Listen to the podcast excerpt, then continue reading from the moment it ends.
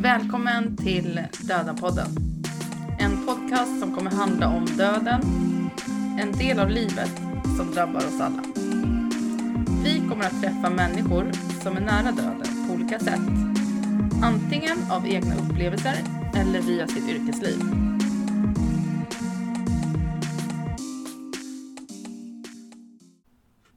Välkomna tillbaka. Nu har vi ännu ett intressant ämne och en ny huvudperson. Han heter Kristoffer Wikstad och är psykolog och psykoterapeut. Ja, arbetar mycket med eh, barn och deras föräldrar såklart och andra vuxna, men främst med barn i sorg. Barn som har varit med om olika trauman, dödsfall, olyckor. Det ska bli jätteintressant att höra hur vi ska bemöta de minsta i vårt samhälle. Ja, och barn är ju, de är ju så viktiga, det är vår framtid. Mm. Så vi, även om Kristoffer be, besitter eh, kunskap brett så kommer vi fokusera kring barnen främst Mm. i det här avsnittet. Avsnitt tre, barn och sorg. Välkomna!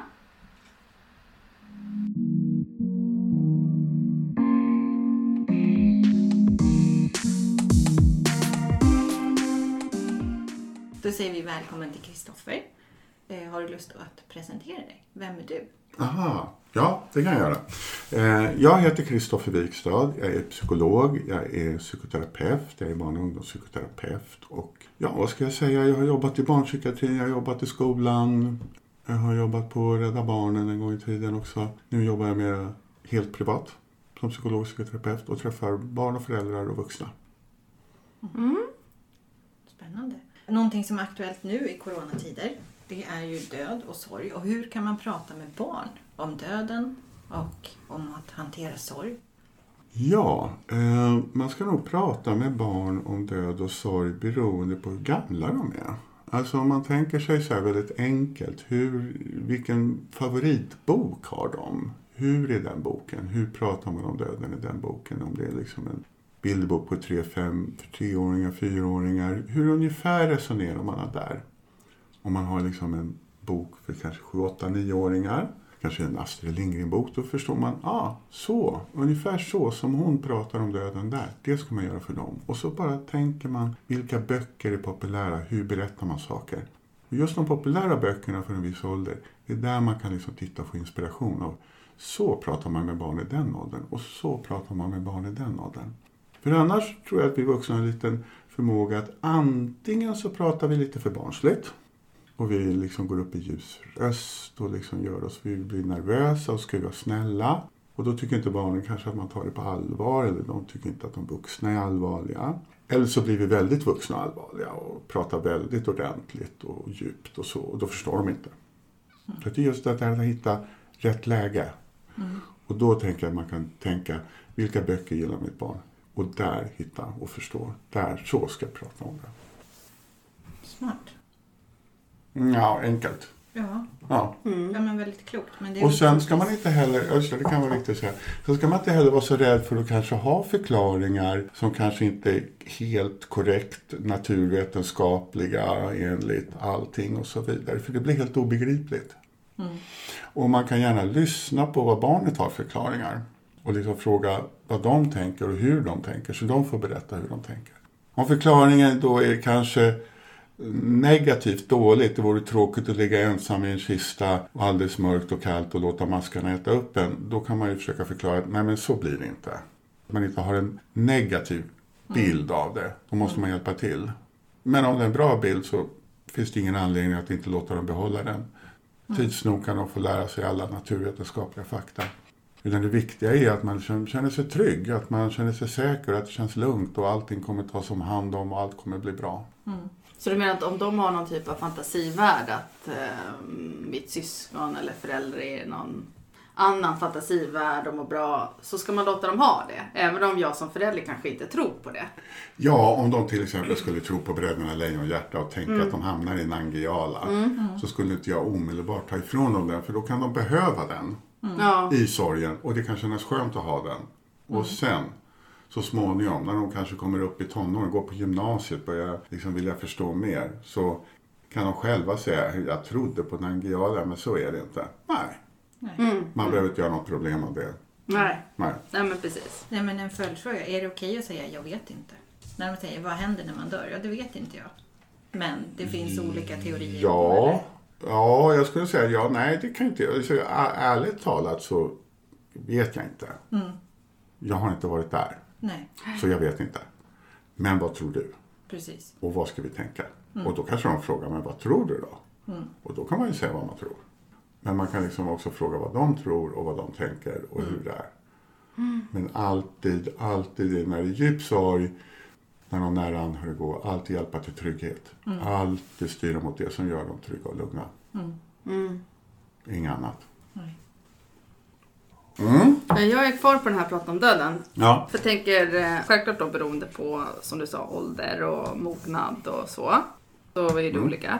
Men beroende på då hur du, den här personen har dött. Mm. Om det är någon som blir mördad eller självmord eller en olycka. Det är ju väldigt hastigt. Mm. Eller om det är mer något långsamt förlopp. Alltså hur kommer det liksom påverka barnen i din erfarenhet? Ah, ja. Eh, om det går väldigt långsamt så hinner barnen förbereda sig och man hinner förbereda barnet.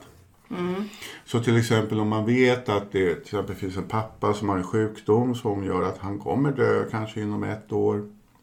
Då kan man till exempel förbereda genom att sitta och göra en minnesbok till exempel med barnet om pappan och faktiskt skriva och prata om pappan. Om han till exempel ligger på sjukhus eller man kanske inte kan träffa honom. Och då gör man den innan så att den finns där efter.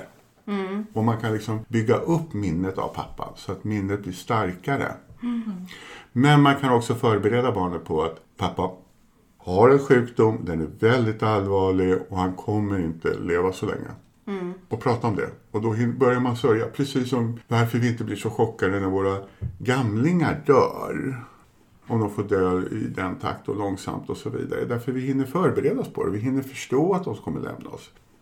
Det blir en långsam avtrappning istället för chocken att någon finns där, nästa dag finns den inte där. Så att chocken är en fråga när folk dör hastigt. Och sen om man dör på fel tid i livet. Man ska dö när man är gammal. Föräldrar ska inte dö och barn ska inte dö. Så att det kommer helt fel i livet.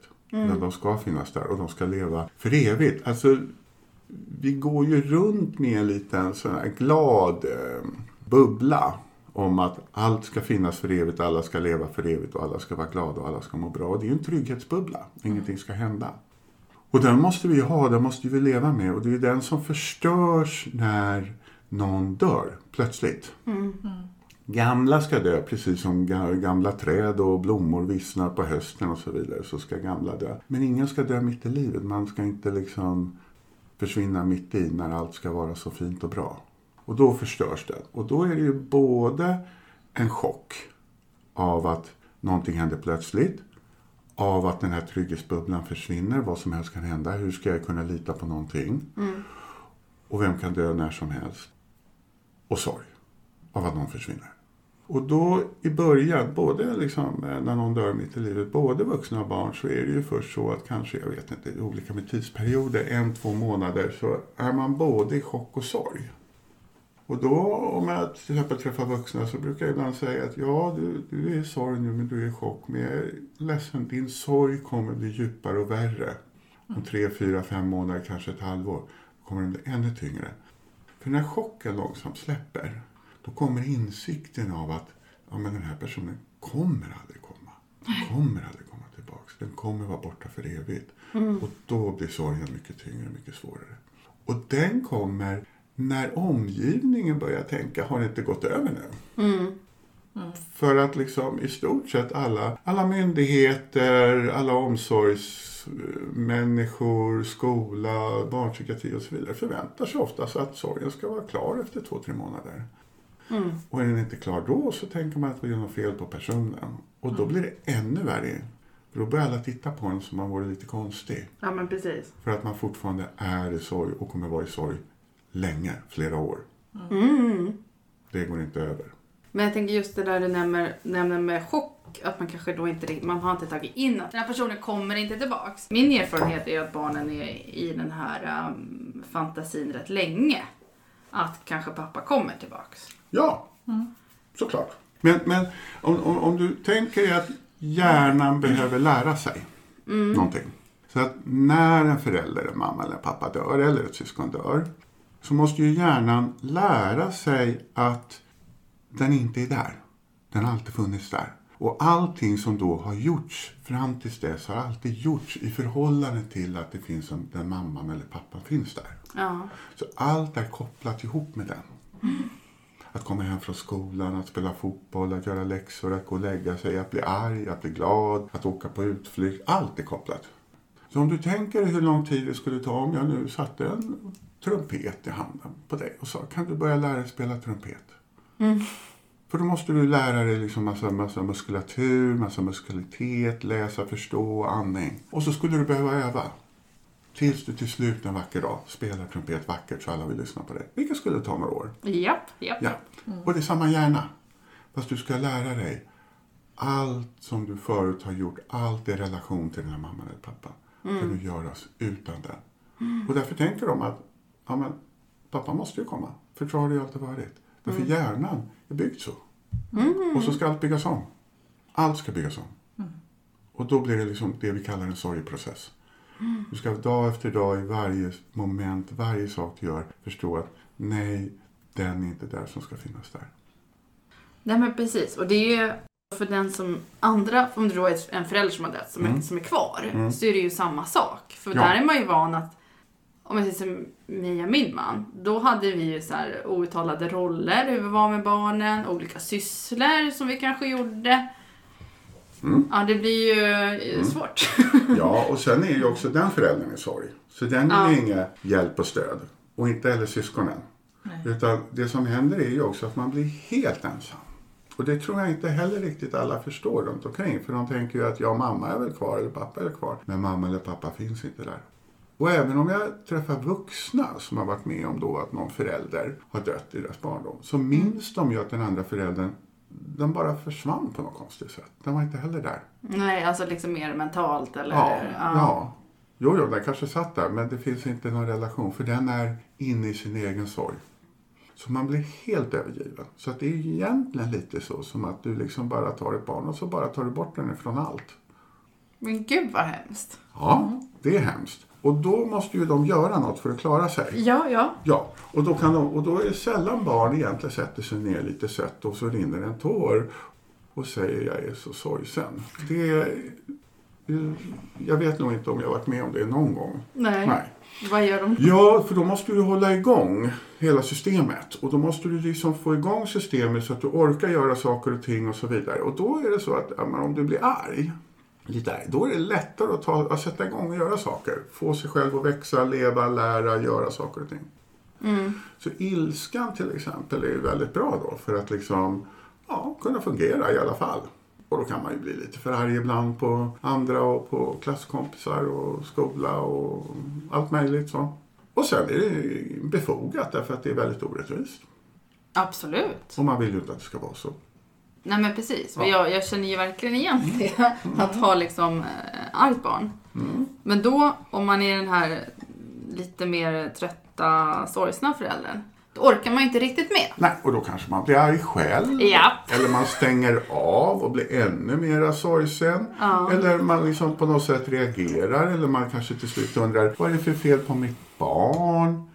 Mm. Eh, kanske har ADHD, ADD, DAMP, eh, autism, Ja, men det är klart man tänker så. någonting. Därför Ja. att man förstår inte reaktionen. Och man orkar inte förstå den. Och man orkar inte heller parera Nej. sorgen. Så är Det är mycket igenkänning. Ja. Ja, utan det, det är liksom, och sen så börjar hela skolan. Efter ett halvår har alla glömt att den hade en förälder som har dött. Ja. Och de vet inte hur det känns. Så då undrar de också, vad är det för fel på barnet? Mm. Ja, ja det, är, det är tufft. det är jättetufft. Verkligen. Ja. Och det var också så att, eh, nu kommer jag inte ihåg hur länge sedan det var, men säg fem, sex år sedan tror jag det var nu. Att Socialstyrelsen kom ut med en ursäkt faktiskt till alla barn och vuxna och alla där det liksom omsorg. För man hade inte förstått och trodde inte att det påverkade att det var jobbigt. Ja, jobbigt trodde man väl inte att det påverkade. Så då bad man om ursäkt och sa att ja, vi har förstått faktiskt att det är en större liksom, påverkan på hur man mår och hur man klarar sig än vad jag tidigare har tidigare trott. Mm. Så det har också officiellt varit så att man inte riktigt haft synen om att det skulle vara jobbigt eller besvärligt. Nej, okej. Ja. Det är ju märkligt. ja, man blir helt eh, Ja. mållös. Eh, så. Mm. Jag tror också att i en del europeiska länder som har större erfarenhet av kollektivt av sorg, alltså genom krig och så vidare, eller till exempel i Finland genom de finska krigsbarnen som skickades till Sverige, så har man en större beredskap och erfarenhet av att det påverkar väldigt mycket. Därför att det finns en större gemensam erfarenhet och den har vi inte riktigt haft.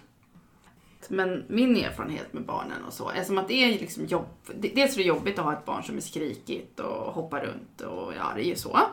Och dels så, så upplever det som att man eh, som vuxen kanske inte orkar gå in i det sorgliga. För man vet inte hur man ska hantera det. Nej, och sen är du sorg själv.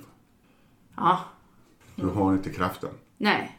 Nej men orken eller livsglädjen att Absolut inte. hjälpa, förstå och stå ut. Nej. Nej. Utan då eskalerar konflikten. Och då blir det ju ännu värre. För Ja, det är inte nog med att jag själv är i sorg, jag är i chock, jag är ledsen, jag är arg. Min mamma eller pappa är inte heller klok.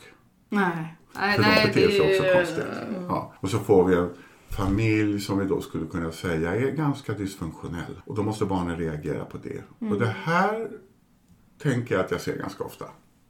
Ja, tänka mig. Men om man är syskon då till det här arga syskonet så att säga. Hur reagerar det andra syskonet ofta då? Finns det någon sån generell bild av det? Ja, eh, man kan säga så här att det är sällan eh, jag har varit med om att syskonen har reagerat lika. Utan då tar man olika roller. Till exempel någon kan ju då ta rollen till en början med då. Mamma är jätteledsen och brorsan bara bråkar. Då kan man vara jättesnäll eh, och vara den snälla. Till exempel. Och duktig. Och liksom hålla ihop det. Tills mamma och brorsan börjar må lite bättre. Då börjar man bråka. För då är det min tur. Eller vara jätteledsen. Och då måste man liksom också komma ihåg att det är en försenad sorgreaktion. För annars kan ju det tolkas på något annat sätt. Och man glömmer bort att ja, men den behöver göra sin egen sorg. Den har bara skjutit upp sin sorgprocess. Och, och, och det gör man. Det gör barn. Och om det är flera syskon till exempel så kanske det är så att då kan de dela upp de här sakerna ännu mer. Så man kan ju fråga då till exempel vem är den som är arg? Ja, det är den, säger alla syskonen. Då vem är det den som är rädd att det ska hända något igen? Det är den som är rädd hela tiden. Och vem är ledsen? Ja, det är ju den som är ledsen. Och vem är klok och duktig? Om det är fyra barn till exempel. Det är den som är klok och duktig. Och då delar de upp det. Och- Turas de om sen också? Ja, men man måste prata med dem och säga att det här är inte vem du är. Det här är en uppgift du har. Så att du förstår att du gör uppgiften. Och ni måste alla förstå att alla har alla de här sakerna i. Men ni hjälps åt att bära känslorna. Och det gör barn då i grupp. Men sen är det ju väldigt lätt att man börjar tänka att den här personen är så här. Men det är klart. Den här är en arg person. Det här är en klok och duktig. Och sen börjar man tänka det själv. Och så blir det en del av ens identitet. Men det är det som egentligen en reaktion på en arbetsfördelning. Men det här, den här kloka, duktiga barnet då som, Mm. som skjuter upp sin sorg. Kan den skjuta upp det hur länge som helst? Eller? Ja, liksom jag implodera? tror nog att jag har träffat vuxna som har gjort det. Okej, som har fortsatt vara den här Ja. duktiga och Ja. starka. Och... Ja. Eller vuxna som till exempel eh, vem som helst kan ju dö när som helst. Jag tänker inte satsa på någonting. Jag tänker inte plugga. Jag tänker inte göra det. För man vet ju aldrig vad som händer. Och sen fortsätter det leva så. Ja. Ja, därför att det blir ett sätt att liksom förhålla sig. För du kan ju inte veta. Jag menar, ett, tu, tre så är någon död imorgon. Och varför ska du då liksom satsa på något? Så det påverkar ditt sätt. Så, att, så kan det ju vara. Sen finns det en komplikation till. Och det kan ju vara så här ibland då att säga att man har en familj med två barn. Den ena är lite närmare den ena föräldern. Och den andra är lite närmare den andra föräldern. Så att man, man är liksom lite mer lik och man, man känner igen sig lite mer. Och så dör den ena föräldern. Det barnet då som förlorar den som den var närmast förlorar mycket mer. Ja. För de andra har kvar sin relation. Och de kan fortsätta liksom sörja tillsammans eller vara tillsammans. Och den känner sig ännu mer utsatt, ledsen och övergiven. Och att ingen förstår. Och att det är orättvist.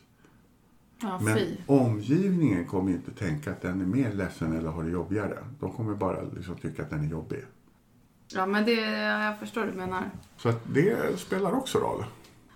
Men sen tänkte jag på när vi, en annan sak som förälder. Om man är... Ja, men vi, vi, vi säger att det är någon, jag vet inte, mord eller olycka. Nå, Mm. Något hemskt som har hänt och man är helt förtvivlad. Då vill man ju skydda barnen. Mm. De, dels vill man ju försöka inte visa sin förtvivlan allt för mycket. Och dels vill man inte ge dem för mycket information. Mm. Vad tänker du om det? Ja, såklart man gör så. ja, men alltså, jag tänkte så här, men känner barnen ändå så här, men vänta nu. Det är någonting hon inte säger eller visar. De liksom Ja. borde ju snappa upp, inbillar jag mig. Ja, alltså de vill ju verkligen veta allting så de kommer förstå kanske att de inte får all information. Barn vet oftast mer än vad vuxna säger. Väldigt många vuxna till exempel står ju och pratar i ett annat rum och tror inte barnen hör i rummet bredvid. De hör ju allt i rummet bredvid. Eller de ligger på kvällen och lyssnar. Alltså du vet barn som ligger i sängen och hör mamma och pappa bråka fast de tror att de sover. Eller smyger upp och sitter liksom i rummet bredvid. Nej, de smyger, de tar reda på, de listar ut, de liksom läser. För de vill veta allt. Och då är det frågan, ska man berätta allt? Och då är vi tillbaks till den där första frågan om hur berättar man om döden? Ja, du ska berätta så mycket på ett sätt så att de förstår. Inte mer. Så det var en olycka, ja. Men varför? Om till exempel någon tar livet av sig. Ja, man kan bli så ledsen som man till exempel inte orkar leva. Och just då kanske man var så jätteledsen som man bara inte orkar leva. Men egentligen så vet du att alltid om man är ledsen så går det ju över om man blir tröstad om någon finns där. Och just då kanske det inte fanns någon att trösta. Och det var ju sån himla otur. Precis samma otur som man går över gatan och så såg man inte bilen så blir man påkörd. Att det inte fanns någon. Och då så hade ju allting blivit bra. Och just om någon tar livet av sig så är också frågan som är så viktig. Men hur kan man liksom lämna, alltså att bli lämnad, att man Ja, inte är exakt. tillräckligt viktig. Var inte min kärlek tillräckligt viktig? Och då måste man ju försöka hitta någon förklaring som att du vet om du sitter framför dataspelet och bara spelar, då tänker du ju bara på dataspelet. Då tänker du inte på någonting annat. Nej. Och jag kan ju ropa på att maten är klar, men du är bara i dataspelet. Men tänk om dataspelet var att du bara var ledsen. Och du, ingenting annat finns. Ingenting. Det går inte att tänka på något annat. Då finns ju ingen annan. Då fanns ju inte du heller Nej. i tanken. Så att man hjälper och hjälper och hjälper att förstå. Inte handla om att man inte var tillräckligt viktig. Inte var tillräckligt älskad. Nej. Utan bara otur. Och sen gradvis när de blir äldre får de liksom lista ut och förstå mer. Allt eftersom vad de kan och klarar och ställer frågor. Och då kommer de säga när de är 18. Ja, men varför sa du inte det på en gång? Därför de kommer inte förstå när de är 18. Att de inte kunde förstå det när de var 9. På det sättet man gör när man är 18. Nej, nej. Eller 23. Det förstår de först när de är 30-40. Och har egna barn. Då kommer de förstå att jag kunde ju inte förstå bättre än så. För då ser de på sina egna barn hur mycket de förstår. Exakt. Det, det, det är verkligen sant. Ja. Det- Så att man, man kommer få skäll över att man inte sa det på ett bra sätt. För man skulle ha sagt det på 18-åringens sätt när det var 10. Men det hade inte varit bra. Och då Nej. får man ta den skällen. Och säga ja, jag tänkte att det var det bästa jag kunde göra då. Ja, ja men precis. Mm. Så får man göra. Ja, men när vi pratar om just självmord, ska man berätta om det finns ett avskedsbrev? Ska man läsa upp det för sitt barn? Beroende på alltså om man är fyra år eller om man är åtta år eller om man är tolv år. Hur tänker du där? Det beror väl kanske lite på vad som står också i det där brevet såklart. Ja, det beror på vad som står i det brevet, hur det är formulerat. Eh, man kan mycket väl vänta med det tills man tänker att barnet är moget för att läsa det. När den är, beroende på hur det är skrivet, 15 eller 18 eller nu måste du få veta, nu du 25. Ja, Nej, men jag skulle nog kunna tänka mig att vänta. Absolut, precis som man väntar med att förklara och berätta allting. Och egentligen så är det inte så konstigt. Man kan ha sådana här tumregler som att om vi nu inte tänker att människor är liksom mogna för att gå och rösta eller dricka alkohol eller köpa tobak, köra bil. Så kanske de inte heller är mogna för att ta all information om sorg och ångest och eh, vad andra människor kan känna. Utan man, man, man, man kan tänka liksom bara lite hur vi gör med andra frågor, lite förnuftigt. Och få lite hjälp med, ja men då gör jag så här. Och egentligen tror jag att de flesta människor gör det också. Ja. Ja, jag tror att de tänker klokt. Utan jag tror att svårigheten är att de inte får stöd och hjälp i att de tänker klokt. Att de blir ensamma i det. För jag tror att de flesta tänker klokt. Ja. ja, det tror jag också. Jo, men sen kommer det också som rikt, vad ska man säga, råd och riktlinjer som är så här, ja men det är bra att barnen alltid ska, ska se den döda. Och då kan man känna sig som förälder, är det verkligen det? Eller är det bara en trend just nu att man alltid ska se den döda kroppen? Alltså, jag tycker jag har hamnat i lite svåra situationer. Ja, det är svårt därför att det, inte, det finns egentligen inget rätt eller fel för då hamnar vi i en kulturfråga. Om vi har en kultur där man till exempel människor dör och alla går och tittar på döda jämt. Då finns det i den kulturen. Då blir det inte så märkligt eller så konstigt och svårt. Har vi en kultur där vi inte gör det och helt plötsligt ska göra det. Därför att då vet inte andra hur de ska göra när barnet reagerar på det. Mm. Men om alla alltid gör det så finns det inbyggt i, bland, i vuxenvärlden hur vi sen hjälper barnet. För de själva har varit där och tittat på döda när de var små och så vidare. Så då är det mycket mer att tänka igenom, ja men vad ska vi göra sen då? Hur ska vi svara på det? Och hur ska vi liksom förklara det? Eller hur ska man förstå det? Så att det, det, det blir väldigt mycket frågor runt helt plötsligt, särskilt när man ändrar. Ja, men ska Ja. det vara en fråga också? Ja, men om den här personen som har dött, då, då tänker Mm. man så här, men man vill ju ha minnet där den ändå lever och är Mm. glad. Ska Mm. man, ska sista minnet vara Ja, någon hemsk kropp. Nej, men jag vet, nu vet Nej. jag, det här beror på då Ja, liksom. nej, det men, tror jag eh, inte. Men, eh, Men jag tror inte heller att det blir sista minnet. Nej. Och- kanske är en föreställning. Det, det tror jag inte. Nej. Och, och de flesta har ändå nu för tiden liksom eh, foton på eh, mamma eller pappa eller syskonet liksom, som man kan titta på sen efteråt. Och det kanske är så att eh, man ska gå och titta kanske då på den döda och sen när man kommer hem så tittar man på den levande på en gång mm, Så att man byter ut den bilden så fort som möjligt. Men man har fått se att den är död. mm, Ja, men att man snabbt sen stoppar in bra bilder i hjärnan. Genom att sen titta på foton på när den levde. Så, nu har du sett hur pappa såg ut när han är död. Nu ska vi titta på så vi kommer ihåg hur han var när han var levande. Och så tittar man på det på en gång. Så man liksom stoppar in nya bilder på en gång. Och varför jag säger det är därför att det var så här i en, det var en linbaneolycka i Norge där massa barn såg en väldigt otyck olycka.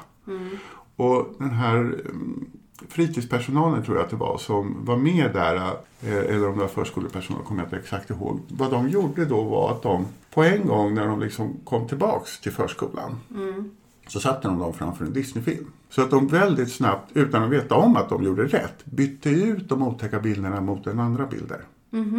Så de liksom fick in nya bilder i huvudet väldigt fort. Och då kunde man efteråt konstatera att traumatiseringen av olyckan var lägre i den gruppen av barn än annars när om de hade suttit kvar och liksom ältat den här otäcka bilden om och om igen. För även ältandet blir en övning i det otäcka. Därför Ja, du ja, ja. repeterar.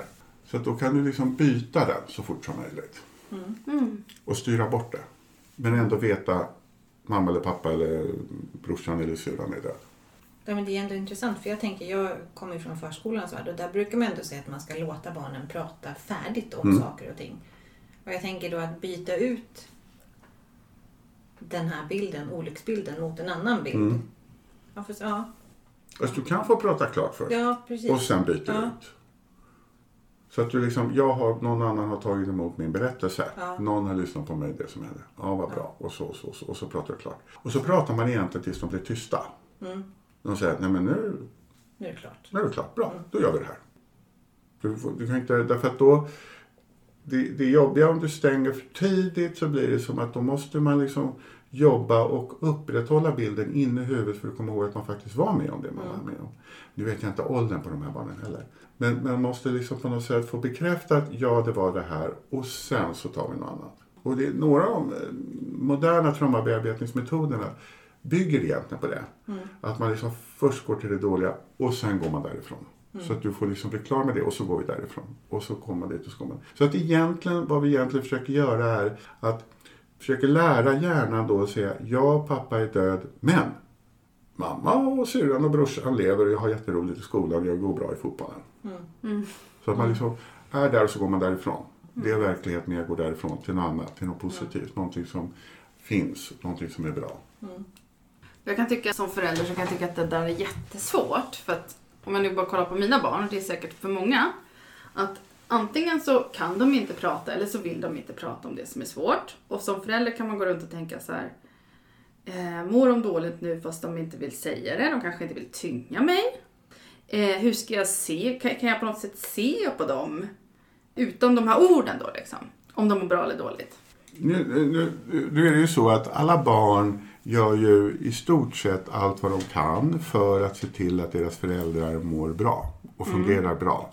Och särskilt i sådana situationer. Och då kommer barnen göra det bästa de kan så mycket de orkar för att det... Och där kan till exempel ilska ingå. Alltså att bli arg på mamma är att sluta sitta där och vara ledsen och gråt. Det blir ingen mat på bordet, det blir inget tvätt tvättat. Så man blir arg på mamma för att få igång henne. Så, alltså kom igen nu då, din dumma jäkel.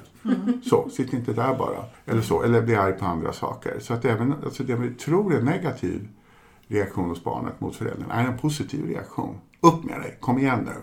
Så, och då blir man arg på den.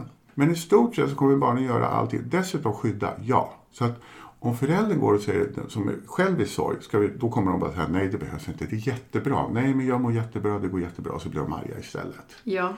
Och det är därför de blir så konstigt. Ja. Så att de gör allt för att liksom bevara den föräldern. För den andra föräldern får ju inte gå och dö. Den får ju inte bli ledsen eller gå och göra illa sig någonting. Så man skyddar den så mycket man kan. Så du som förälder kan inte hjälpa dina barn så mycket mer än att svara på frågor och hjälpa till. Utan det är där andra behövs. Och framför allt om det finns eh, bra, nära andra, moster, faster, farbror, farmor, farfar, morfar, mormor som de känner. Det är absolut bäst. Om de inte finns där eller de är jätteledsna, då får man liksom hoppas att det finns bra lärare, bra fritidspersonal, bra andra. Eh, sen finns ju inte då eh, i samhället organiserat stöd till barn. Nej. Nej, utan nästan allt vad jag känner till bygger på frivilligt. Och kommer man till det professionella, alltså där eh, socionomer, psykologer, läkare och så vidare, så kommer de inte förstå och inte ha kunskapen. Nej. De har inte läst och förstått och vetat. De kan det inte. Så då kommer de ändå inte få hjälp. Nej. Nej. Så det är en situation där de familjer där barn eller vuxna dör är väldigt utsatta och möter inte förståelse. Nej, jag känner igen. Och oftast är det så då att det är bättre med människor som kommer ifrån länder där man har haft massivt eh, våld och död. Därför de är mer vana och förstår och vet hur man ska hantera och prata om det. Det tror jag ligger någonting i, verkligen. Men ja, men, men du kan inte säga något. Ja, men som förälder är du chanslös. Jo, fast det är, ju- som förälder är det ju det viktigaste. Det är ju det som man tänker på. Hur mår mina barn? Ja, Och sen så vill de inte säga något. nej. Och då försöker man ju hela tiden Men, men, lista ut. men, men alla föräldrar som har barn från skolåldern och uppåt lever i situationen att man försöker lista ut hur de mår och hur de har det. Exakt. Om man frågar hur det var i skolan idag och så säger de bra. Och men hände någonting då? Nej, gud vad du tjatar. Precis så. Och, och, och så säger jag, vad var det, fick ni, fick ni någon lunch i maten då? Ja, fiskpinnar. Nu måste jag spela dataspel. Nu ska jag gå ut och träffa kompisarna. Så man gör ju allt för att få veta. Men barnen från ungefär sex års ålder är inte längre inriktade på att berätta för föräldern. Den viktigaste gruppen är kompisgruppen. Alltså efter, när de börjar skolan. Ja, det är kompisarna och andra vuxna. För man ska ut i livet, man ska lära sig, man ska börja lära sig alla sociala regler och så vidare. Så du ska ju egentligen bara stå där stadigt, vara glad och se till att maten är på bordet, kläderna är tvättade, med ett glatt leende. Ja. Du ska vara den här trygga hamnen bara. Ja, Du är deras anknytningsperson. Du finns där. Du är en trygg anknytning. Du bara släpper dem. De Jag kommer Ja. tillbaka när de behöver. Jag tyckte det lät som en hemmafru. Nej. Och tankar. Hemmafrun. Hemmafrun. Det är ändå roligt. Ja, så att om man skulle önska, om jag skulle önska då någonting så skulle man ju då önska att på varje skola fanns det en vuxen person som hade gått en utbildning i hur man hjälper och pratar med barn i sorg. Och förstår hur lång tid det tar, förstår vad de behöver, förstår de känslomässiga reaktionerna. Och inget litet käckt program jag ska göra Kalle glad på en månad. Utan Nej.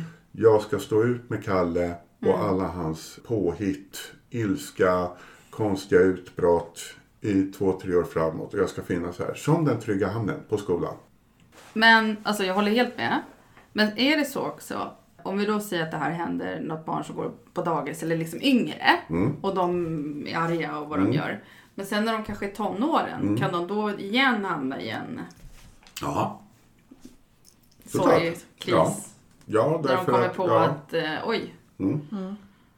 Men, men, men då kommer de ju göra det också. Så då kanske det att om du är tonåring, det kan ju reagera på olika sätt men ehm, eh, man kanske blir fördjupad i sina existentiella frågor. Vad är döden? Vad är livet? Vad är meningen med livet? Så att den blir större därför man har den erfarenheten med sig. Ja. Eller man kanske reagerar häftigare därför att då kommer sorgen välla upp. Över att jag aldrig haft en mamma eller jag aldrig haft en pappa. Så som alla andra. Och då kanske man måste på något sätt hjälp, få hjälp med att döva den sorgen. Så man inte dricker för mycket alkohol eller något annat sånt som alla ungdomar gärna gör.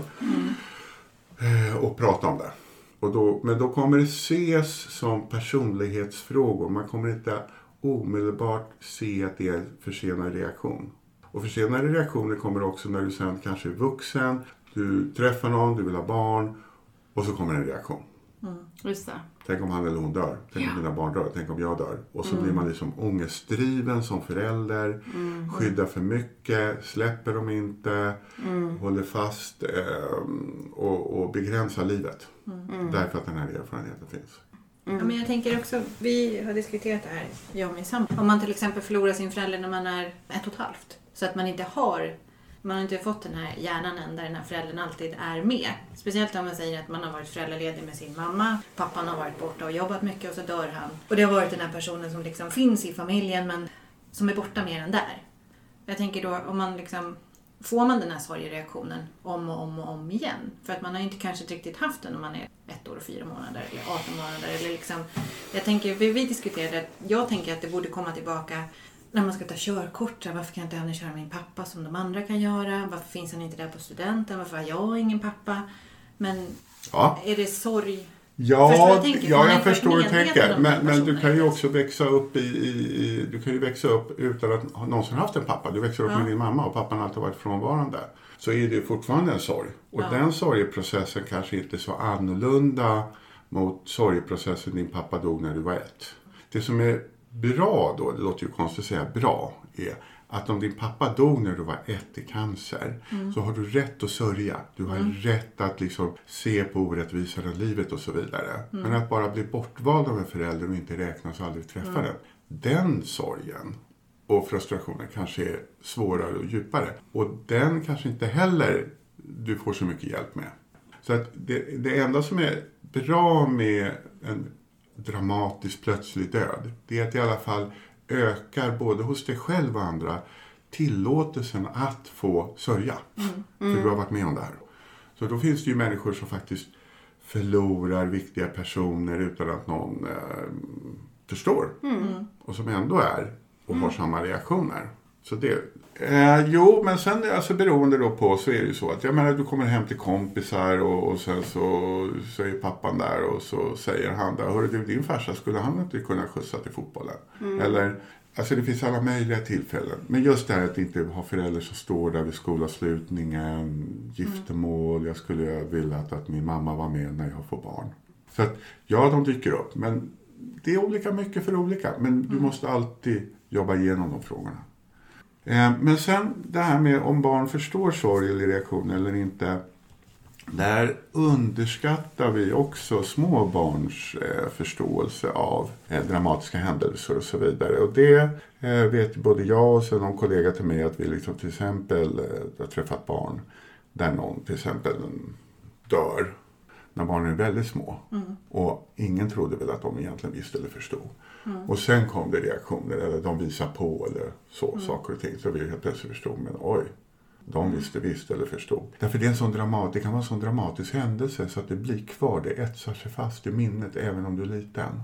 Sen kan det vara svårt, om du är riktigt liten, att förstå det hela. Och då kan det gestalta sig på i barnterapier på lite märkliga sätt. Alltså man, man tar ett tag innan man förstår att det är det här. För att det är någonting som skulle vara där, någonting alla pratar om och jag vet inte vad det är och jag förstår inte vad det är. Så det är lite lurigt när barn är riktigt små. Alltså ett, ett och ett halvt, två så är det lite lurigt att se och förstå. Men erfarenheten av de jag träffat är att de har det. Och sen kan de berätta om det på ett sätt som små barn gör. Till exempel, jag vet någon liten flicka som berättade om eh, det hemska genom att eh, det bodde en häxa i dockhuset som plötsligt kunde dyka upp. Och så hände det saker. Och på, på den åldersnivån. Och en enorm ångest kring detta hela tiden. När som helst kan någonting dyka upp och det kommer på riktigt. Och du Kristoffer kan inte göra någonting åt det. Här finns det otäcka saker i livet. Ja, gud. Så.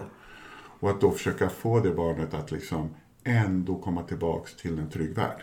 Och att liksom få det som en isolerad berättelse och sen komma Mm. tillbaks i att nej, men man kan vara glad och man kan lita på världen och man kan lita på det som händer. Och där var det också föräldrar som var drabbade, som då försvann. Och då växer den här inre berättelsen om det otäcka. Därför att de yttre som ska hjälpa till med den berättelsen försvinner. För det gör vi med barnen. De kommer hem från skolan, någonting har hänt hemskt. Då pratar vi med dem. Och så hjälper vi dem med det. Ja, och så bara, jaha, okej, vad bra. Mamma förklarade att det var så här. Ja, då kan jag gå ut och leka igen. Det var ingen fara. När man pratar om sorg så kommer ju ofta upp att det kan finnas faser liksom.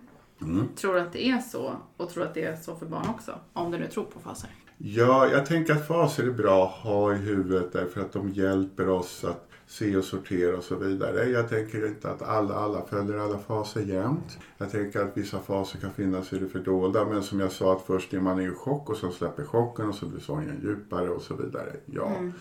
Jag tänker nog att man ska nog ge bara noga akt på hur någon mår och så försöka se till att ordna hjälp åt den personen. Och om man nu förstår att jag själv är i sorg, jag klarar, orkar inte hjälpa det som mitt barn så mycket.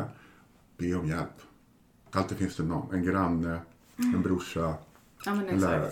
Be om hjälp. Man kan reagera, just det, det är kanske lite viktigt för just till föräldrar också, att man kan reagera, tänka saker och ting som känns väldigt konstigt när någon dör. För man tänker också att man ska vara ledsen hela tiden. Man måste vara väldigt sorgsen, man måste vara väldigt allvarlig. Och det, man klarar inte av att vara väldigt ledsen och sorgsen hela tiden. Alltså kroppen mår inte bra av det. Eh, och då måste man bli glad och göra glada saker. Och för barn kan man ju då säga att ja, din kropp vill vara ledsen ibland. Och ibland måste den få vara glad så att du får vara glad. Och så får du vara ledsen. Och så får du liksom se det lite så här som varannan gång. Nu är det sorgens tur och nu är den glad. Lite som att, ja, men att det liksom går fram och tillbaka. Det finns de som väldigt populärt säger att man ska sörja då zebrarandigt. Alltså svartvitt, svartvitt, svartvitt. Men, men det gäller ju föräldrar också. Och då kan ju det här att vilja bli glad i sorgen ta sig märkliga uttryck. Att man tänker att ja men vad bra, nu är min man död. Nu får jag äntligen ett rum där jag kan sätta upp vävstolen. Eller något sånt. Ja, jag förstår. Så att man, liksom, man säger någonting och tänker någonting för att göra situationen bättre. När det ändå är så här dåligt, vad bra för då kan jag göra det här.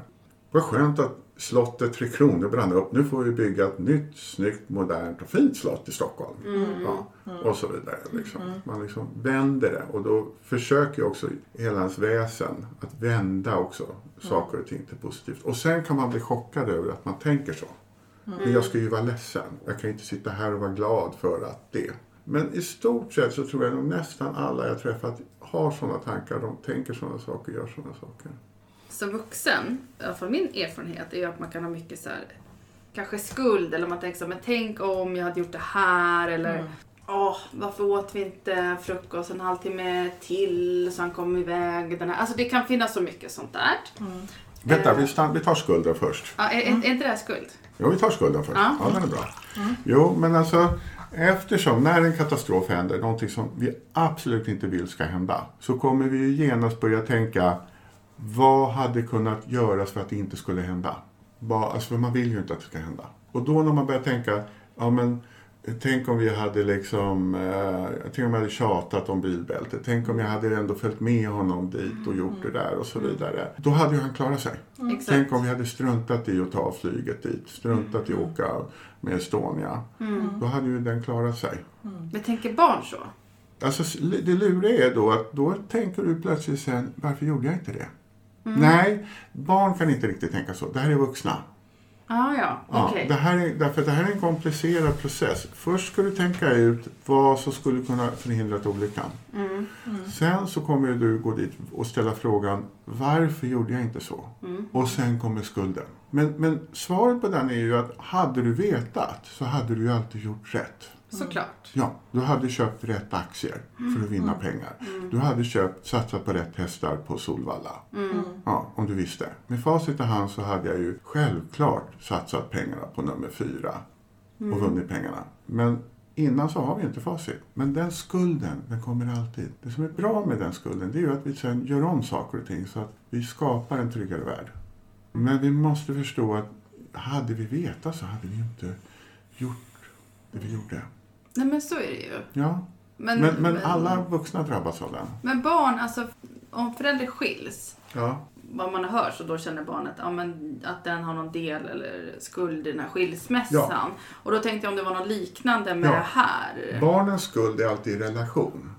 Barnens skuld blir alltid inte så mycket hur mycket vad de har gjort om de är små som i relation. Jag är inte tillräckligt glad, jag är inte tillräckligt snäll, jag är inte tillräckligt älskad, jag duger inte.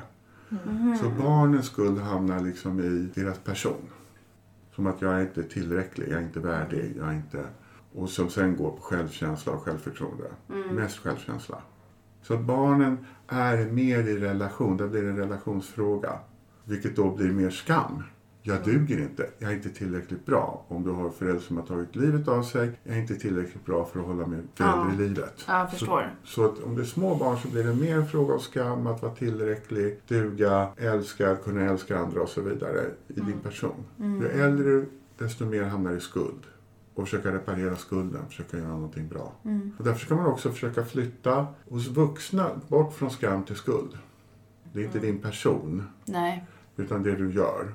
Och hos barn så måste man liksom åt skammen och liksom försöka förklara, nej, det var inte så här. Du var älskad mest av alla. Men det här hände. Alltså det ligger utanför din person. Du och du känner styr inte hela världen. Utan andra känner också. Och då får man hjälpa dem med exempel, andra exempel. Om fröken kommer arg till skolan en dag därför att katten har kissat i sängen. Är det ditt fel då? Nej. Nej. Det händer andra saker som det faktiskt inte. Men hon kanske skäller på dig för du inte gjort läxan. Men det har hon inte gjort förut. Men det handlar nog om att kassen kissar, kissar i sängen eller något. Alltså att man hjälper dem med exempel och förstå att det är utanför dig. Du var älskad. Det här var något annat. Och skilja. Och där, det var, man gjorde en undersökning, men jag nu kommer ihåg den här helt rätt, på Sankt Görans barnkliniker som då var barnsjukhuset före äh, Astrid Lindgren. Eh, där man djupintervjuade barn som var inlagda. Och då trodde barnen att om de bara var tillräckligt snälla och tillräckligt älskade så skulle de inte behöva ligga där ända upp i 13-14 års ålder. Oj. Alltså att man, man tar det på sig som person. Jag är inte tillräckligt snäll, inte tillräckligt duktig, inte tillräckligt älskad. Så den måste man liksom på. Och då är det ju också så att om man nu känner så som barn kan man ju bli hur arg som helst. Det spelar ingen roll. Man måste hjälpa barnen att inte forma sin idé om sig själva utifrån katastrofen. Men jag har en fråga om barn. Mm. Så om, om ett barn mår riktigt, riktigt dåligt. Det har hänt eh, vad- någonting jätte, jätte, jätte hemskt och traumatiskt. Kan barnet själv ta livet av sig? Jag har aldrig varit med om det. Det finns säkert något exempel någonstans. Det är extremt ovanligt. Och jag skulle nästan misstänka att de inte har gjort det, och även om det skulle påstå så.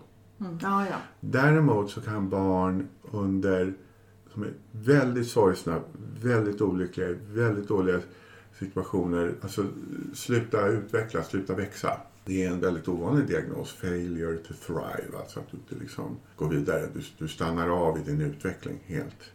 Men den är också väldigt, väldigt, väldigt ovanlig. Men man kan ibland se och mer misstänka det. Det gäller samma sak med väldigt små barn. Till exempel man kunde förr i tiden se på barnhem och så vidare. Det som heter anaklitisk depression. Alltså att de blir utanför relationer. Så att de liksom blir så deprimerade och går tillbaka och dör. Därför det går inte att leva. Så att jag skulle inte vara orolig för att en 9, 10, 11-åring skulle ta livet av sig. Jag skulle inte vara det. Nej. Mer så att den kanske mår så dåligt så att den skulle liksom vara oförsiktig så att den skulle slå sig, att den skulle göra illa sig, att det skulle hända olyckor. Men inte medvetet ta livet av sig. Men däremot så skulle man ju då, om man har ett barn som till exempel slår sig allvarligt väldigt ofta. Då ska man bli lite misstänksam och inte då kanske tänka oj den här personen har bara otur. Utan om man har någon en klass varje år är liksom på sjukhus med varje olycka. Då ska man nog börja fundera att det är någonting annat här som kanske är tokigt. Men man ska inte slå sig så ofta. Någon gång slår man sig. Man slår sig en gång, man bryter armen eller man måste sy. Och vet att det gör jätteont och då blir man försiktigare. Och tänker att det här vill jag inte vara med om.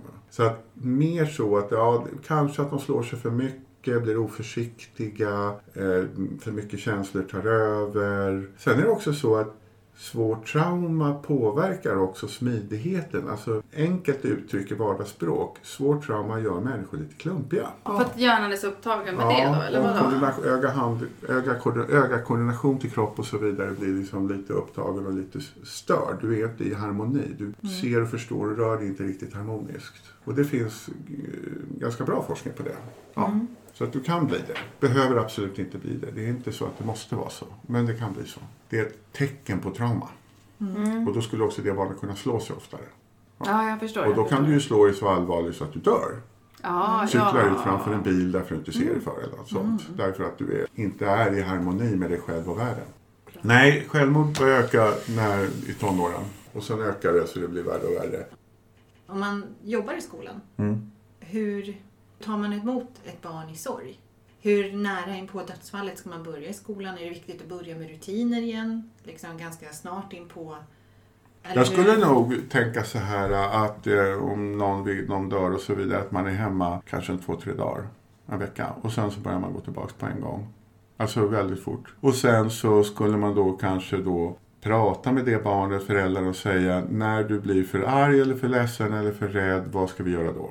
Och sen hitta någon lösning. Om man då har en jätteklok skolvaktmästare eller man har en jättebra skolsköterska eller man har liksom en jättebra elevassistent eller någon på fritidspersonal så kunde man egentligen bara kunna säga när du inte klarar av att vara i klassrummet det blir för, för mycket känslor av någon sort så gå dit, var där tills det känns bra och så kom tillbaks. Du behöver inte säga något, bara res dig och gå. Med tonårsbarn ibland har jag gjort så att vi har liksom tänkt ut trygga platser. När du inte orkar, var vill du gå? Så vet vi alla var du är någonstans. Jag går dit, då är jag där och sen kom tillbaks. Och sen så att man liksom, för också att man hjälper barnen att själv känna efter och reglera. Alltså att du börjar lära om självreglering. Jag mår dåligt nu, jag orkar inte. Och vilket vi måste lära oss. Och då kommer sannolikt den här perioden de behöver vara utanför klassrummet långsamt minska. Men det kan ju ta en två år eller tre år. Och det gäller ju att skolan har tålamod. Och då gäller det att det finns en vuxen på skolan som bär den kunskapen om barnet. Som säger ifrån när andra säger, ja men nu är det så här. Och, och som bär barnets lidande och kunskap på skolan åt den. Eller om det liksom blir bråk med andra barn och så vidare. Som då står på det barnets sida och skyddar den. För han kan mycket väl vara den, eller hon, som slår först. Men ändå stå på den sidan. Så att den känner att det finns, den har någon som förstår och som står på den sidan. Och det är jätteviktigt. Jag tänker om man har ännu yngre barn, om man är på förskolan till exempel. Om man är en fyraåring, treåring. Ja, då skulle jag nog säga att de ska tillbaka så fort som möjligt. För att det liksom finns en trygghet i att vara på förskolan och förskolepersonalen och de andra barnen. Och sen så skulle man då kanske tänka att någon fångar upp det barnet lite mer. Och så troligtvis, alltså till exempel det kan ju regredera lite eller det kan liksom bli lite bråkigare eller så vidare. Och att någon tar barnet då snällt. Alltså att man säger, nej men kom nu, nu gör vi så här. Och att lite extra snällt. Det är ju ändå så att stoppa något i munnen tröstar. Ja. De flesta bara blir i alla fall ammat, blivit tuttade och så vidare. Så att man kan liksom ta det åt sidan och så stoppar man lite sött i munnen och sitter med den en stund. Så kommer den slappna av och så kan den gå och leka igen. Och så tröstar man så. Om man är förskolepersonal till exempel och har ett barn i knä, då känner man ju när den slappnar av. När kroppen går från att vara spänd, arg och så vidare tills den slappnar av. Så precis som alla föräldrar vet att när man sitter och tröstar någon i knät så liksom och så slappnar de av och så reser de upp och så springer de iväg för då vill de till kompisen. Så att man egentligen bara fångar upp, håller i dem tills det är bra. Och så släpper man dem. Och så om och om igen. Så får de den här trygga hamnen. Att vara där och sen så gå ut igen. Och sen våga göra det om och om igen och ge den extra. För den behöver extra. Och då funkar det. Och jag tror att de flesta människor jag träffar, de har det i sig, de förstår det. Men de blir mer oroliga i att, gör jag rätt? Ska jag göra så här? Får jag göra så här? Så de behöver oftast bara stötta människor i att göra att de känner på sig. Så här borde man göra, det borde egentligen vara det som är brett. Att liksom gör det. Att man inte krånglar till det. Man har det instinktivt liksom i sig någonstans. Ja, Jag tror att alla har det också. ja. Men, Men inte den föräldern som är i sorg.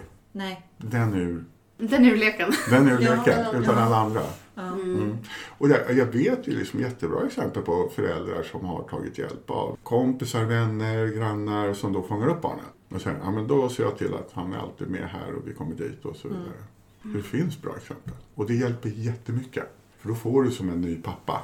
Inte riktiga pappa, men du får någon annan. Mm. Och, så, och titta och så vidare och som bryr sig. Och fråga lite extra. Hur gick det på matteprovet för dig då? Det gick inget bra. Här, får du väl plugga lite mer då. Och så sådär. Alltså det är Ja. lite så, som ser. Men har du något av din erfarenhet, något speciellt svårt eller något som du ser återkommer eh, när barn drabbas så här av döden? Liksom? Ja, det svåraste kan jag tycka faktiskt är att eh, personal inom skola, omsorg, vård, BUP inte förstår sorgreaktionerna. Utan då börjar jag liksom prata om annat. Vadå, diagnoser? Ja, och- ja Mm. eller andra, eller personlighet eller så. Och det gör ju, blir ju en extra börda. För då börjar man ju oroa sig för det och tänka på det och prata om det istället för att hjälpa dem med det de behöver hjälp med. Ja. Så det kan jag tycka är ett stort problem. Och att det finns ett utbildningsunderskott inom alla eh, grupper som jobbar med barn. Att förstå liksom vad, vad det betyder. Och det skulle dessutom hjälpa även att svåra skilsmässor när någon försvinner. Eh, Det finns ju även sådana till exempel där det liksom blir väldigt krångligt och svårt. Eller alltså, ja. Absolut. Ja. Mm. Så att jag skulle säga att det finns ett underskott. Ja, och det gäller liksom i alla sektorer. Så där, där skulle man liksom önska att man eh, utbildade fler människor att förstå. Verkligen. Kan det här vara en sån här fredsskada?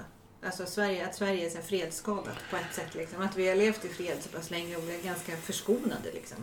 Generellt. Ja, ja det skulle man ju kalla det. För det- Ordet fredsskada blir ju lite problematiskt för mig. Men det var det jag, jag var liksom. inne på det då med till exempel om man tar finska krigsbarn eller andra länder där man har en större beredskap för att liksom eh, se och förstå och arbeta med sorg. Men sen också är det ju som att vi, sorg och död är ju lite på något sätt undanskuffat i vårt samhälle.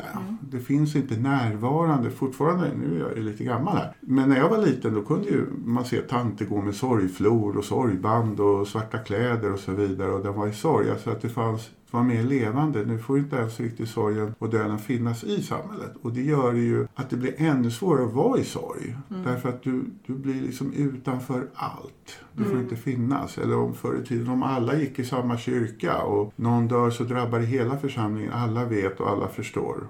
Och det kommer drabba någon mer igen. Därför du får också ta del av alla andras död och sorg. Så själva döden är ju också någonstans lite Fast det finns ju också andra som pratar om det. Alltså den är lite kliniskt, eh, lite mm, gömd Ja, för alla. verkligen. Ja, och därför blir det också svårt. Och då blir det mer främmande än att det väcker empati hos andra. Så blir det mer konstigt Ja. än att det väcker empatin. Oj, är du i sorg? Jag förstår. Så blir det som, jaha, oh, okej, eh, jaha, vad ska man säga nu då? Precis. Eh, precis. här, vill du ha en Ja. chokladbit? Ja, men det är verkligen så. Ja, man går tillbaka till det, någonting sött. Man, Ja. Någonting gott. Ja, Ja. Nej men det är, ju- det är ju svårt. Det är ju jättesvårt. Hur man ska göra liksom. Mm. Vad är rätt och vad är fel? Man har ingen aning. Man går ju bara på instinkt. Och Absolut. då, då är det Och ju det så bli att eh, Lotta till exempel, Lotta Polfeld som var på Rädda Barnen, hon intervjuade då barn som, där någon hade dött och Mm. hur de ville liksom att andra barn skulle vara. Alltså Mm. en kompisbok. Och då sa ju barnen det att de ville ju att alla skulle veta. Mm. Men de ville inte prata om det. Nej, Alltså nej. man vill ju vara med som vanligt med alla andra men alla ska ändå veta och förstå. Så det är lite, och jag tror också vuxna, alltså att man vill att de på arbetsplatser ska veta, man vill att de då, när det behövs, Mm. säkert visar hänsyn. Men man vill ju inte sitta och prata om det hela dagarna. Nej. Nej, eller ha konstiga frågor. Verkligen. Ehm, jag vet någon till exempel men jag vet någon flicka till exempel då som eh, gick på skolgården och, och så kom flickorna upp då till henne, lågstadiet, och frågade så här, är din mamma död? Ja. Hur känns det? Om hon då börjar känna efter, ja, då blir hon ju alldeles förtvivlad och mår jättedåligt. Så att till exempel henne lärde vi liksom då kanske att svara på frågorna utan att känna efter. Så att du liksom kan svara på frågorna. Liksom. Jo, man känner så och så och så öva på det. Bara för att slippa känna efter, för då, då kan du ju inte leka sen. Eller sitta och ha lektion. Om du känner efter hur det känns när ens mamma dör. Så att man, man vill att alla ska veta lite hänsynstagande, inte för mycket, men man vill inte prata om det. Det känner jag igen själv som vuxen. Mm. Men sen är det också att om du berättar om det flera gånger då blir det ju mer verkligt Ja. för dig själv. Ja. Ja. det här är så här. Ja, Det är så inte här. lika känd- Nej, känslomässigt nej. jobbigt för varje gång. Nej.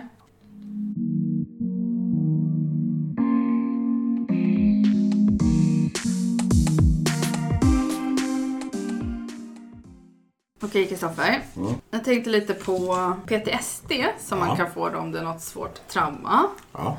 Eh, om man har hört talas om att vuxna ja, kan drabbas det i krig och olika saker. Hur, hur är det för barn? Barn drabbas av PTSD. Ja, de får PTSD och det påverkar dem mycket och allvarligt. Ja. Men är det på samma sätt som för vuxna? Nej, det tar sig lite olika uttryck. Första som händer med barn om de får en PTSD det är att de får svårt att koncentrera sig.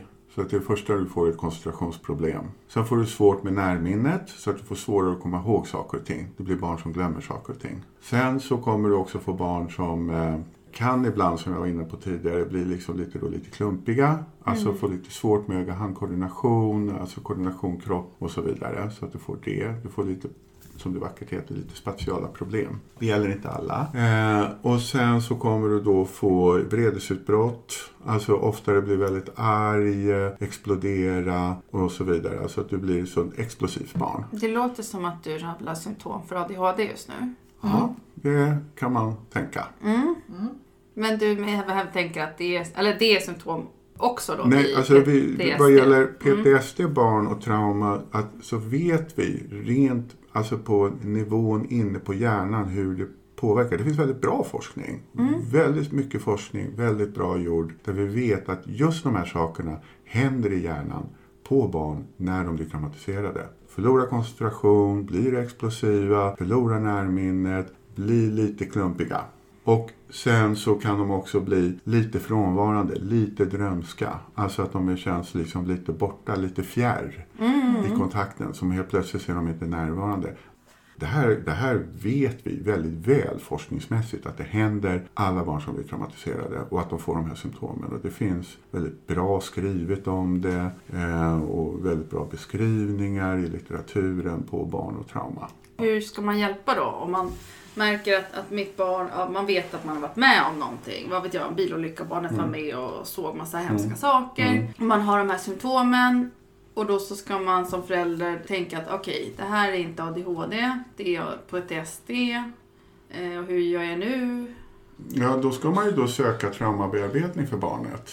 Och då måste man för det första hitta någon som vet och kan de här symptomen på trauma hos barn. Att det, liksom, det sker förändringar i hjärnan och att de här förändringarna i hjärnan går tillbaka och man får en bra bearbetning och man får hjälp med det. Och samtidigt när man ska hjälpa barn med trauma så måste man också ha ett bra samarbete med föräldrar och skola. Så att de också förstår så att de inte helt plötsligt börjar säga att ungen har ADHD bara därför att han är svårt traumatiserad och får de här skadorna i hjärnan av just traumat. Det är jätteviktigt. Med, med rätt då traumabearbetning så kan man eh, Rätt behandla det här. traumabearbetningen så försvinner alltihopa. Och vad händer om, om man missar det? Fastnar barnet i det här eh, PTSD då eller? Ja, då fortsätter du att ha dåligt närminne, vara lite klumpig, bli explosiv och så kommer du då bli betraktad som ett besvärligt barn, bråkigt barn, eh, eh barn som inte är närvarande, barn som inte kan koncentrera sig och, och så vidare. Ja, och så kommer det liksom andra åtgärder sättas in istället. Så att om man till exempel tittar på, liksom, det brukar ju vara så här eh, stora undersökningar på vuxna eller tonåringar som då är i samhällets vård och omsorg eller liksom kriminalvård och så vidare, så är ju väldigt många av dem svårt traumatiserade. Men har tyvärr inte fått rätt eh, hjälp och behandling. Nej. Nej. En annan eh, fråga som bottnar i mina egna erfarenheter. Efter mina barn då förlorade sin pappa, och du nämnde ju att, att det blir en- otrygghet, att världen är farlig, att hemska saker kan hända och sådär. Så upplever jag att de är mycket mer rädda för mörkret. Innan kunde de sova i egen säng, nu vill de bara sova med mig. Hur ska man tänka om det som förälder och vad ska man göra? Vad du först ska tänka och kanske säga till barnet, det är ju att när det är mörkt så finns det ju ingen, in- och tyst, så kanske det inte finns någon information från hjärnan utifrån. Alltså, du ser inte mamma, du ser inte ditt vardagsrum, du ser inte, det finns ingen information. Så den information som kommer då komma i hjärnan är ju information inifrån. Om du då mår dåligt, då kommer det dålig information. Om du mår bra så kommer det bra information i hjärnan. Just det. Så att därför kommer det som dyker upp inifrån vara negativt. Otäcka tankar, känslor. Troligtvis kommer det först negativa känslor. Jag känner mig ensam, rädd, övergiven, arg och så vidare. Och sen måste då hjärnan förklara de här känslorna och då kommer det tankar. Den här processen går ju väldigt fort. Men först kommer känslan och sen kommer tanken. Som en förklaring på känslan. Och sen så kanske du börjar då tro på de här tankarna, bilderna, fantasierna som kommer och så blir du jätterädd. Och då måste du få bort dem fort. Och bästa sättet att få bort dem det är ju alltså att gå dit där man är som tryggast. Och tryggast är du med din förälder, förhoppningsvis. Om det inte är de som producerar de här äh, rädslan. För det finns ju också föräldrar som är dåliga. äh, Och äh, då kommer du inte kunna gå till föräldrarna heller. För då blir det inte bättre. Om mamma och pappa står och skriker och bråkar och mamma eller pappa är full. Så kan du inte gå dit och säga och jag har lite svårt att sova. Utan då sitter du istället och smyger och tittar och kollar så att ingenting hemskt händer. Och så vidare. Sen ska du gå till skolan nästa dag och låtsas som ingenting har hänt. Men om det då liksom till exempel att någon har dött så att du är i sorg, rädsla, ilska och så vidare. Då måste du ju liksom gå till den andra föräldern och bli tröstad. Och få bort de här för då får du ju en annan information. Ja, min pappa lever, min mamma lever, ja det känns bra nu känner jag mig trygg. Och då måste jag ju få hjälp med det. Och då går man ju dit såklart. Och för att känna sig trygg. Då kan man ju till exempel då ha massa tycka att det är lite jobbigt som förälder att ha en tioåring som springer in och hoppar på när man försöker sova. Och liksom de knölar och sparkar på en och man får en armbåge i sidan och svårt att sova. Så att då kanske man ska, liksom, vill man ju se det här, men kan du inte liksom bli trygg och sova själv? Så till exempel så kan man ju då ha en nattlampa som gör att det inte liksom, det blir sån informationsförlust. Alltså att det finns lite, men tillräckligt lite så att det inte stör. Man kan liksom lära dem att exempel somna till musik. Om de tycker det känns bra så att du får liksom lite svag musik. Precis som vi sjunger godnattsånger för små barn. Så att de liksom känner sig trygga av det. Sitta och lyssna på Astrid Lindgren läsa sin saga. Ja, ja, ja. Så, så att man somnar till det. Eller så kan man sitta där bredvid dem. Om och om igen tills de somnar. Och långsamt, långsamt lära. Men tänk att det här är en inlärning som går långsamt. Det tar tid. Det kanske tar ett halvår, ett år. Men man får kämpa på. Tills de till slut känner att ja, men nu går det. Och sen liksom långsamt, först kanske man ska liksom ligga bredvid dem i sängen tills de somnar och sen får man sitta på sängkanten och sen kan man sitta på en stol bredvid och så sitter man med en stol utanför rummet. Just är du där? Ja, jag är där. Ja. Ja. Du har inte gått? Nej, inte gått. Jag är här. Långsamt, långsamt, långsamt får de att få tillbaka tryggheten. Men såklart, det är jobbigt. Man, man kan ju önska att man bara kunde säga åt dem, gå in och lägg dig och sov nu. Sluta larva dig. Såklart att det inte finns några monster. Men hjärnan producerar monster. Och alla nervceller i hjärnan som inte arbetar kommer att tillbakabildas. Nervceller som inte får arbeta tillbakabildas. Så att om du som vuxen till exempel skulle då gå lägga dig i en sån här, jag kan inte vad det heter, en sån här bubbel. En sån här kammare där du liksom hör inget, ser inget, känner inget, det är liksom kroppstemperatur. All sensorisk information försvinner. Då kommer du efter ett tag börja hallucinera. Alltså för hjärnan måste producera saker och ting. Okej. För annars går det tillbaks. Så att det är liksom, den bara gör så.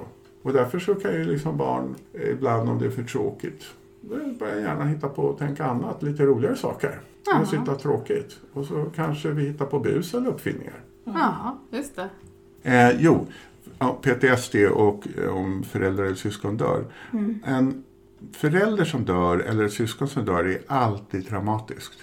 Ja. Alltså föräldrar dör inte mitt i livet. Det är fel, det är mot ordningen. Och syskon dör inte mitt i livet. Så att en, en plötslig död, om den inte är väldigt långsam, väldigt förberedd, förberedd, då är det ett trauma för barnet också. Så det är inte bara en sorgeprocess. Och då kommer också även de här andra reaktionerna som vi kan se. Så det ska man också alltid komma ihåg. Men ofta när man alltså, har läst lite om PTSD, nu väldigt, väldigt grundligt, så tycker jag att det är människor som har varit i krig, i tsunami, att det är liksom, man målar upp att det ska vara väldigt, väldigt traumatiska. Men då menar du att, Det, det, jag menar inte bara så, utan jag menar också att det har varit så länge inom psykologin och psykiatrin att man tillerkände inte barn att de blev traumatiserade överhuvudtaget. Nej. Och då var det, om jag minns rätt nu, kanske jag minns fel namn, jag tror att hon hette Pynos. Och det var en väldigt känd kidnappning i Kalifornien. Det var en man som tog en hel skolbuss och gömde den i ett sandtag, alltså hällde sand över den. Så att de var begravda, barnen i det. Och hon undersökte sen efteråt hur barnen mådde och skrev om det, att de var traumatiserade. Alltså de hade klar PTSD. Och hon blev väldigt hårt ansatt för att då på den tiden så var det så att nej, barn blir inte traumatiserade. Så det är inte så långt tillbaka då hela, vad ska vi säga, det vetenskapliga fältet sa att barn blir inte traumatiserade, barn känner inte, barn märker inte, barn förstår inte. Men det är helt fel. Barn blir traumatiserade och märker och förstår och blir påverkade. Men det kommer påverka dem mer i hela deras person och hur de är och gör. Medan vuxna som då är färdigbyggda i sin de växer inte. De kommer ha traumat mer i sitt tänkande och kännande i huvudet, men inte i hela sin person. Men Nej. i barnen så blir det hela personen. Och därför är det också allvarligare när barn blir traumatiserade. Och viktigare att gå in och jobba väldigt fort och ordentligt med att hjälpa dem ur det för att få tillbaka en balans. Den här obalansen som ett trauma innebär eh, blir permanentad i deras person.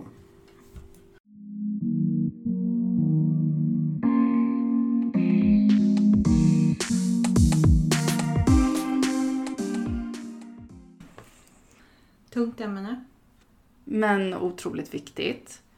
Tusen tack Kristoffer. Ja. Och tack för två inspelningar vid två olika gånger. Det är som att vi var tvungna att göra om allt från början. Det blev en liten fadäs med ljudet första gången. ja, Jaha. men eftersom att det är viktigt så vill jag ju verkligen prata med Kristoffer. Ja. Så vi hoppas att ni som lyssnar också har fått lite mer kunskap, precis som vi, om hur det fungerar. Ja, jag, jag önskar verkligen att alla vi i samhället som möter barn, oavsett om vi jobbar i skola eller grannar, att vi får en ökad förståelse. Mm.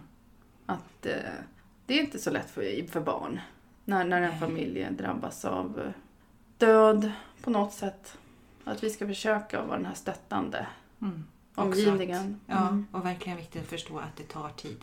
Det kan ta ett år, det kan ta tre år. Det kan ta Absolut. otroligt lång tid och den här sorgen kommer komma tillbaka och man kommer behöva bearbeta sorgen. Som 10-åring, som 14-åring, Mm. som 22-åring. Ja men precis. Och också det här att barn kanske inte kan uttrycka utan att de kan vara arga eller ja, det Mm. finns olika reaktioner. Så att, nej, det har varit jättegivande. Så att eh, igen får vi bearbeta alla intryck och Ja. allt som har sagts. Ja, och tusen, tusen tack återigen. Mm, Så viktigt. Jag hoppas ni också tyckte det var värdefullt och att vi hörs snart igen. Mhm, det gör vi. Ha det gott! Bye, bye.